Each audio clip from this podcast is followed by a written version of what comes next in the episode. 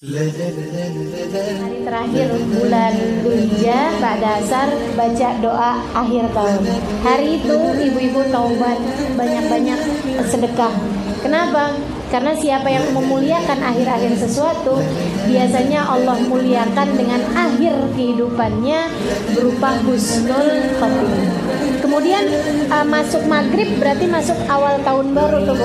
Baca Yasin kalau bisa tiga kali kalau enggak sekali habis itu ibu baca doa awal tahun. Kenapa pakai baca yasin? Sebab yasin lima kuriat lah surat yasin tergantung niat bacanya mau buat apa.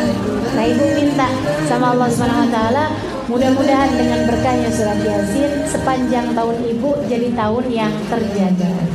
Kemudian besoknya tuh tanggal 1 Muharram kalau ada yang ibu bisa amalkan ibu puasa bagus juga mengawali awal tahun dengan puasa. Kemudian ibu-ibu sekalian, awal tahun baru itu juga kalau ada yang ibu mau amalkan silahkan baca ayat kursi 360 kali.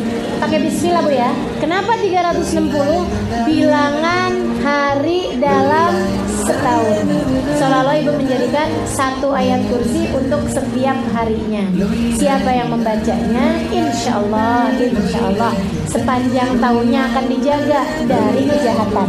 Bukan dari dosa bu. Kalau dari dosa, ibu yang mesti jaga-jagain diri. Ini menjaga diri ibu dari kejahatan orang lain kepada ibu.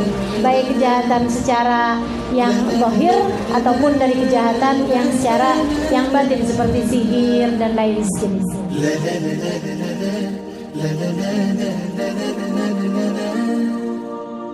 la